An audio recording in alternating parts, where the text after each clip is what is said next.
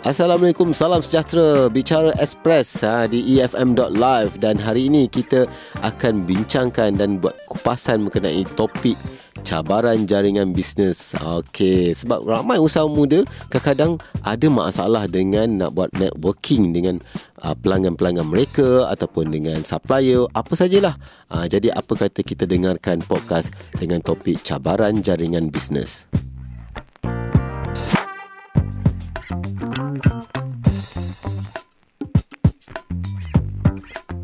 tetamu saya iaitu seorang uh, wanita. Ha, Ya, saya. Seorang wanita dalam bidang fashion. Ha, betul tak? Okey, namanya ialah Nurul Azira binti Zulkafli. Okey, ya saya. Okey, apa nama bisnes ni? Awak pula cerita sebab okay. Okey. saya nampak macam nak berbelit lidah saya nak jemput. Cuba sebut. Okey, nama bisnes saya adalah uh, Zira Zulkafli Kucio. Ha, okay. tu yang kecoh tu yang saya nak berbelit lidah. Okey. Alright, itu dia Azira Zulkafli. Okey, nak panggil apa ni? Uh, Zira je. Hmm. Azira. Okey, selamat datang Azira. Ya, selamat datang. Apa khabar? Sihat? Uh, sihat, Alhamdulillah. Alhamdulillah. Alright. Okey, boleh cerita seberingkas pasal Azira Zulkafli Kushwa. Okey, Azira Zulkafli Kucio ni adalah uh, di mana servis kami adalah fashion designer Mhm. mm-hmm. dan juga tailor. Mm-hmm. Uh, di mana uh, fashion design ni kita boleh sketches design-design uh, daripada yang terkini yang mm-hmm. yang customer nak. Mhm. Alright. Dan juga untuk tailor pula yang specialnya kita fokus uh, pada 48 jam siap. Wow, Hmm, 48 jam siap. cepat. Itu untuk wanita saja ke atau open? Uh, Ah. untuk wanita saja, untuk lelaki pun kita ambil tapi kita fokuskan kepada baju wanita. Oh, Ah, lelaki pun kepada boleh Ah, lah. Tapi pun lelaki boleh. macam mana? Baju uh, kemeja aja Ah, ke kemeja ataupun boleh, baju Melayu? Baju Melayu pun boleh. Ha, baju Ah, Kenapa korporat saya kita tak ambil, jumpa? Eh, tapi tak t-shirt apa. ambil. Raya tak lama lagi. boleh. Kita boleh PN tepi. Okey, boleh. Alright. Dah berapa lama sebenarnya Uh, bisnes ni? saya bisnes dah 3 tahun. Tiga Hmm. tahun. Bis kat mana? Uh, mula-mula base dekat rumah. Mm-hmm. Mhm. Lepas tu kita uh, pindah ke kedai. Dah ada kedai Ah, dah ada physical. kedai, yup. Okey. Kita pasal topik kita hari ni iaitu topik berkenaan dengan uh, jaringan bisnes. Okay. Okey. Alright. Sebagai seorang usahawan yang boleh dikata barulah juga hmm, kan. betul. Tapi macam mana anda melihat pada jaringan bisnes ni? Adakah ianya penting atau tak penting? Okey, uh, pandangan saya lah. Mm-hmm. Uh, jaringan bisnes. Pandangan Mhm. awak, okay. bukan pandangan saya. Okey. Jaringan bisnes ni memang sangat penting Mhm. mm-hmm. untuk kita peniaga dan usahawan lah. Mm-hmm. Sebab kita untuk mengembangkan bisnes kita sendiri, kita kena ada jaringan Mhm. mm-hmm. untuk kembangkan. Mm-hmm. Jadi kalau kita nak jaringkan diri kita sendiri je mm-hmm. pun tak ke mana kan bisnes kita. Mhm. Betul? Ha, jadi memang Bagaimana, macam, macam, macam saya sendiri untuk bisnes saya. Mhm. Mm-hmm. Okay, jaringan yang pertama lah yang saya boleh kongsikan adalah uh, saya mm, habis uh, belajar terus saya bekerja di mm-hmm. Giat Mara Mersing. Mhm. Praktikal lah di situ. Kat Sri Pantai. Uh, Uh, uh, dah tukar dah. Oh, dah tukar dah? okay. okay, jadi saya praktikal kat situ. Jadi uh, 6 bulan lah saya praktikal. Uh, jadi cikgu pun ada sajakan saya dengan satu program ni lah. Mhm. Mm-hmm. Uh, under SME Corp iaitu Alright. Alright. TUBE, Tunak Usahawan Bumi Putra. Okey, saya ada Eh, terbaca pasal tu. Uh, saya terpilih lah uh, untuk join program tu dan mendapat dana uh, mm-hmm. sebanyak RM15,000. Mhm. Alhamdulillah. Mhm. Ah, Okey, itu melalui SME Corp dan seterusnya uh, Mara juga saya menyewa di kedai Mara Mhm. mm-hmm. uh, untuk daripada rumah pindah ke kedai. Uh, Okey. Jalan-jalan macam itulah dan Alright. join-join uh, program program bisnes. Hmm. Mm-hmm. Ada mentor? Mentor adalah suami saya sendiri sebab dia pun meniaga juga. Oh, dia biniaga apa? Dia buat LED lampu lah buat research ah, dengan MTDC. Okey. Bisnes yang jarang orang Melayu Ah, betul. uh, ceburi kan LED ni. Okey, alright. Tapi jadi jaringan bisnes tadi ialah dibina daripada online juga Mm-mm, ya. dan juga daripada secara fizikal mm. jumpa dengan rakan-rakan dalam community bisnes tu Mm, sendiri. betul. Alright. Okey, kita masih dengan topik kita iaitu pasal cabaran jaringan bisnes. Sebab hmm. ramai kadang-kadang ada yang ego yang tak nak buat bis, apa ada buat bisnes tapi dia tak nak terima hmm. pandangan orang lain. Dia rasa customer dia ada Instagram, dia ada dia ada apa ni F- eh, Facebook, dia ada beribu-ribu followers, beratus ribu followers tapi dia rasa um ada aku nak fikir pasal orang lain buat apa biar aku fikir pasal customer aku ni je dia orang beli dia beli dah beli dan beli tapi dia tak nak fikir dari segi jaringan tu sendiri tak kisahlah supplier ke hmm. kan uh, daripada community-community walaupun bisnes yang lain tak semestinya kita mesti bisnes yang sama betul tak? Betul. Sebab ilmu tu pelbagai. Okey, jadi dengan Azira sendirilah kan. Pada pandangan Az- Azira, adakah uh, waktu Azira nak membina jaringan bisnes tu agak su- susah? Hmm, susah. Bagi saya susah lah. Macam mana sebab- Azira buat waktu tu mula-mula? Okey, mula-mula uh, memang susah sebab kita duduk di kawasan Mersing kan. Hmm, Ah, janganlah cakap macam tu. Orang Community, community yang tak banyak Betul lah orang ingat maksudnya. kita kita dekat ujung-ujung Tak dunia tak, adalah. kita sebenarnya dah Mula-mula saya fikir macam tu lah. Community yang kecil lah. ah betul. Ah, saya Sebab mula-mula semula mindset memang, saya macam betul. tu. Susah macam macam agak Ah, jauh sebab kan. saya rasa macam saya punya, yelah fashion design Yalah kan. nak Ah. pergi ke Johor Ah, Baru ya. pun dah 2 jam. Ah, betul. Betul tak? Nak ke Keluang pun dah Ah, dekat 2 dua jam. jam sama. Kan? Ha. Ha, jadi uh, untuk for first tu sebenarnya uh, nak bagi orang Mhm. tahulah mm-hmm. yang kita ni buat servis uh, jahitan dan juga design. Mm-hmm. Ha, Mhm. nak bagi orang tahu dan bagi orang cuba dan bagi orang tu datang lagi. Nak memaham mem, Ah. memberitahu orang tu yang susah. susah. susah. Ha. betul. Kan? Memang sangat susah. Kan? Sebab kat JB pun banyak tukang jahit. hmm, betul. Kan? So kita kena buat kelainan lah Disebabkan tu saya buat yang 48 jam siap ha, Sebab hmm. sebenarnya tukang jahit ni Tu ramai penghantaran macam mana? Ha. Penghantaran Penghantaran diorang bis- Kalau dekat ah, dekat mesin tu Diorang datang Mhm. sendirilah Tapi kalau di luar? Di luar kita post lah By post ah. By post. Boleh hantar siap dalam 48 jam. Boleh hantar ke dalam 48 jam juga.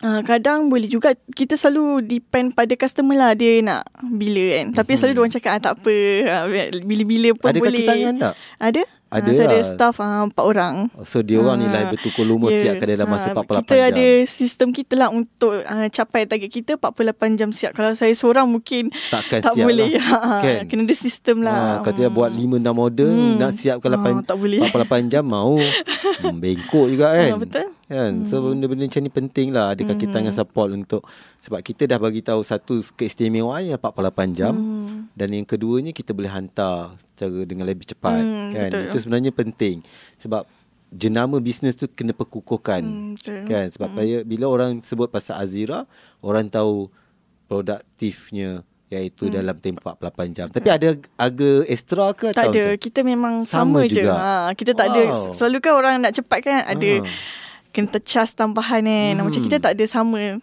Nah, tu So kelebihan kita kalau lah. nak raya nanti biasanya berapa lama uh, ambil order? Mesti ada deadline ah, kan? Selalu kalau raya Belum puasa tu pun orang datang pun kita ambil juga Ambil juga? ah, Sebab Boleh kita siap? Ya kita kita memang Orang datang terus buat Buat buat buat, buat. Ah, Tak ada Tak ada stop stop lah ah, Wow. produ- ah, production Sampai dua kita- hari sebelum raya. Dua hari tu tak lah Tapi depend pada kita sendiri Kalau macam kesian lah Kita tolong Ah, lah saya kena buat muka kesian lah nanti. Azira, tolong Azira. Okey, tapi boleh lah buat Hmm, kan? boleh. Ya, itu yang pentingnya jaringan bisnes tu. Mungkin kalau kita tak mampu, kita boleh subkan. Hmm, betul. Hmm, Tukang potong kain ke, tukang apa buat apa nama lagi ah, yang jahit tepi. Ah, kan? Jahit Hmm. ah, Menjahit Ah, jahit tepi semua kan. Lepas tu um, Menjahit macam-macam lah sebenarnya. Dia Ah, banyak ah, dia sebenarnya. banyak, betul, dia Kan? banyak. Dia bukan kalau Orang nampak sikit je jahit Nampak ni Macam sikit. jahit je Tapi sebenarnya dia banyak banyak dia punya sub-sub ah, sub dia. Ah, okay. okay. Apa nasihat anda kepada rakan-rakan yang mungkin sebaya anda sekarang umur berapa? 25 25. Okay. Nasihat sebagai usahawan muda kepada rakan-rakan usahawan muda juga. Okey, nasihat saya Untuk membina satu supaya mereka ni uh, sentiasa ada uh, apa ni jaringan bisnes. Okey, sebenarnya uh, okay, pendap- uh, nasihat saya adalah kita uh, bisnes ni kena ada passion, mm-hmm. uh, kena ada minat kan. Mm-hmm. Uh, so kita minat nak belajar tu yang buat kita nak nak mencuba dan juga try uh, buat jaringan kita sendiri. Betul. Uh, maksudnya kita join je program sebab kita nak tahu kan. Mm-hmm. Uh, kena ada apa-apa pun kena ada passion apa yang kita minat tu dan kita s- sentiasa belajar dan mendengar pendapat orang lain bukannya uh, syok sendiri uh, tak boleh. Ah, Ikuti kru- uh, kelas-kelas Hmm, kelas-kelas. Ikuti community-community Betul. Hmm. business Kan And then kita kena bina jaringan tu dengan Apa orang kata Kembangkan lagi dan kembangkan lagi Hmm, betul. Ah. Tak boleh lah Dah habis Kita rasa sebab masa ke tak boleh Tak ada alasan untuk tu Hmm. betul. Saya nak tanya ni, um, sepanjang berniaga ni, ada masalah tak dalam bisnes? Hmm, mesti ada. Okey, contoh? Contoh dia adalah uh, masalah daripada segi sebenarnya sistem lah. Mm-hmm. Mhm. Uh, sistem dalaman tu macam mana kita nak susun kerja. Mhm. Mm-hmm. Uh, sebab matlamat kita memang kita punya visi kita adalah 48 tak ada siap. SOP. Uh, kena ada SOP betul. Hmm, Ah. Sekarang ada SOP dah. Ah, kita ada buat lah SOP. Mm-hmm. So, if semua pekerja follow tak SOP tu? Hmm, follow? Follow Buat lah. masa ni follow So, lah Alhamdulillah. jadi dia tercapai lah. Ha, tercapai. Tapi itu pun kena orang cakap ambil masa jugalah sebab orang cakap mula-mula kita tak tahu apa-apa kan. Sebab mm-hmm. tu kita join program-program usahawan daripada situ kita tahu mm. SOP semuanya pentingnya. Betul. Kena benda ni lah. Kena ada semua hmm. kan. And then accounts pun Ah, kena ya, cantik betul. Sound. kan. Kena kena di- berdisiplin. Hmm. Betul tak? Betul. Ah, sebab kalau tak macam mana kita nak kembangkan Ah, bisnes tu betul. lagi. Hmm. Kan dan jaringan bisnes tadi tu penting. Mereka boleh membantu menolong Betul. bagi Kembang. ilmu hmm. uh, apa idea macam mana nak memperbetulkan. Mungkin kita nampak macam benda dah elok hmm. tapi mungkin orang lain nampak macam ada apa ni lubang di sana sini. Jadi mereka lah yang akan membetulkan lubang-lubang tu, memberitahu kita apa kekurangan. Dan dari situlah jaringan bisnes kita ni yang kita pupuk ni boleh membantu untuk kita perbaiki lubang-lubang tu supaya hmm. terus je jalan tegak. Betul. Betul. Alright. Okay, saya nak tengok apa hala tuju bisnes Azira sendiri untuk tempoh 5 tahun akan datang, perancangannya. Okey, perancangan saya eh. Okey, hmm. kalau boleh saya nak lima tahun akan datang, orang hmm. akan maksudnya orang orang takkan fikir yang tailor ni adalah tempah lambat. Maksudnya orang takkan beli ready made. Maksudnya orang akan tempah jahit baju dengan saya hmm. dengan cepat. Maksud macam ada Kain kain dia boleh bagi. Kain okay, Misalnya macam nak Saya planning saya adalah Untuk macam Buat satu application mm-hmm. uh, Diberi nama Jahit mm-hmm. Mhm. uh, So application tu Macam orang boleh select uh, Design Kain macam mana apa. uh, Kain apa Design apa Warna, uh, warna apa, apa Semua dah ada dalam tu lah. Ah, yap, dah saiz tu kalau boleh diorang diri ada satu application tu yang boleh detect semua saiz dia. Oh, okay. Ah, so diorang tak payah diorang boleh rasa diorang beli baju yang apa yang diorang nak, mm-hmm. saya Mhm. diorang nak, mm-hmm. ah, tetapi orang cakap cepat. Mm-hmm. So kalau Mhm. so, kita application tu sedang dibangunkan ke Ah, ataupun ya, application tu dalam perancangan ah, sebab kena beli juga application tu. Yes, ah. Ah. so kena kena So, ada supaya senang. ya, kena Itu ada target kelebihan kita. yang Azira boleh berikan kepada customer yang orang hmm. lain tak ada. Itu sebenarnya. Betul. Sebab kalau nak tukang jahit, orang lain berbual ramai Ah, lagi ya, penjahit-penjahit. betul. Itu betul. Kan selain daripada boleh 48 jam tapi ada satu application yang memudahkan. Jadi tak perlu face to face. Kan? Mungkin boleh order mungkin yang urgent. Oh aku nak pakai Uh, dua hari dua hari lagi ada parti ke contohnya ada apa ni ada majlis tapi tak sempat so dengan ada application tu dengan tambah lagi dengan 48 jam siap itu menambah nilai lagi bisnes Azira sendiri betul tak Hmm, Betul. insyaAllah. Alright, saya doakan supaya ianya akan sukses. Ada lagi uh, hala tuju bisnes yang di dalam perancangan Azira? Okay, buat masa ni tu je lah. Itu Itu yang saya saja. memang target tu. Ah, Hmm. okay, tapi tak apa. Mungkin masa ke semasa bila kita Hmm. pelajari, kita bila dengan jaringan uh, apa bisnes kita tadi tu, kita boleh tanya mereka apa sebenarnya yang Diorang Hmm. lah nak. Hmm, sebagai seorang pengguna apa yang mereka nak. betul. Kan sebab mereka hari-hari oh, semua orang pakai baju. Betul. Kan hari-hari dia orang uh, bertukar-tukar pakaian. Jadi masing-masing ada cita rasa masing-masing. Dari situ kita boleh kumpulkan data apa minat mereka, apa kehendak mereka dan dari situ kita analisis dan kita boleh berikan okey apa hala tuju bisnes kita selepas ni apa yang kita boleh menambah nilai lagi dalam bisnes kita. Alright. Dan bagaimana pula mungkin pendengar-pendengar E EFM tiba-tiba oh best lah bagus boleh siap 48 jam. Hmm. Ha, macam mana dia orang nak hubungi Azira? Okay, hubungi boleh WhatsApp saya Mhm. mm-hmm. uh, di Mhm. 0175511751. Mm-hmm. Okay, WhatsApp. Ataupun boleh follow ID saya, mm-hmm. Azira Zulkafli Kucio. Mhm. Mm-hmm. Dan juga FB lah, Azira Zulkafli uh, Kucio. Alright. So ke- kepada pendengar-pendengar EFM ke yang mungkin nak order, nak minta buat baju, boleh lelaki dan wanita? Boleh. Uh, Ah, so boleh hubungi Facebook, WhatsApp dia ke ataupun Instagram beliau yang telah dikongsikan tadi. Alright, saya doakan supaya Azira dan bisnesnya sukses. Amin. InsyaAllah akan maju jaya. Boleh? Boleh. Alright, saya satu hari nanti saya akan datang singgah ke kedai Azira di Boleh. Mersey. Alright, okay. Itulah podcast Bicara E Express yang telah disediakan oleh tim EFM. Teruskan bersama kami di E episod seterusnya hanya di efn.live for entrepreneurs by entrepreneurs.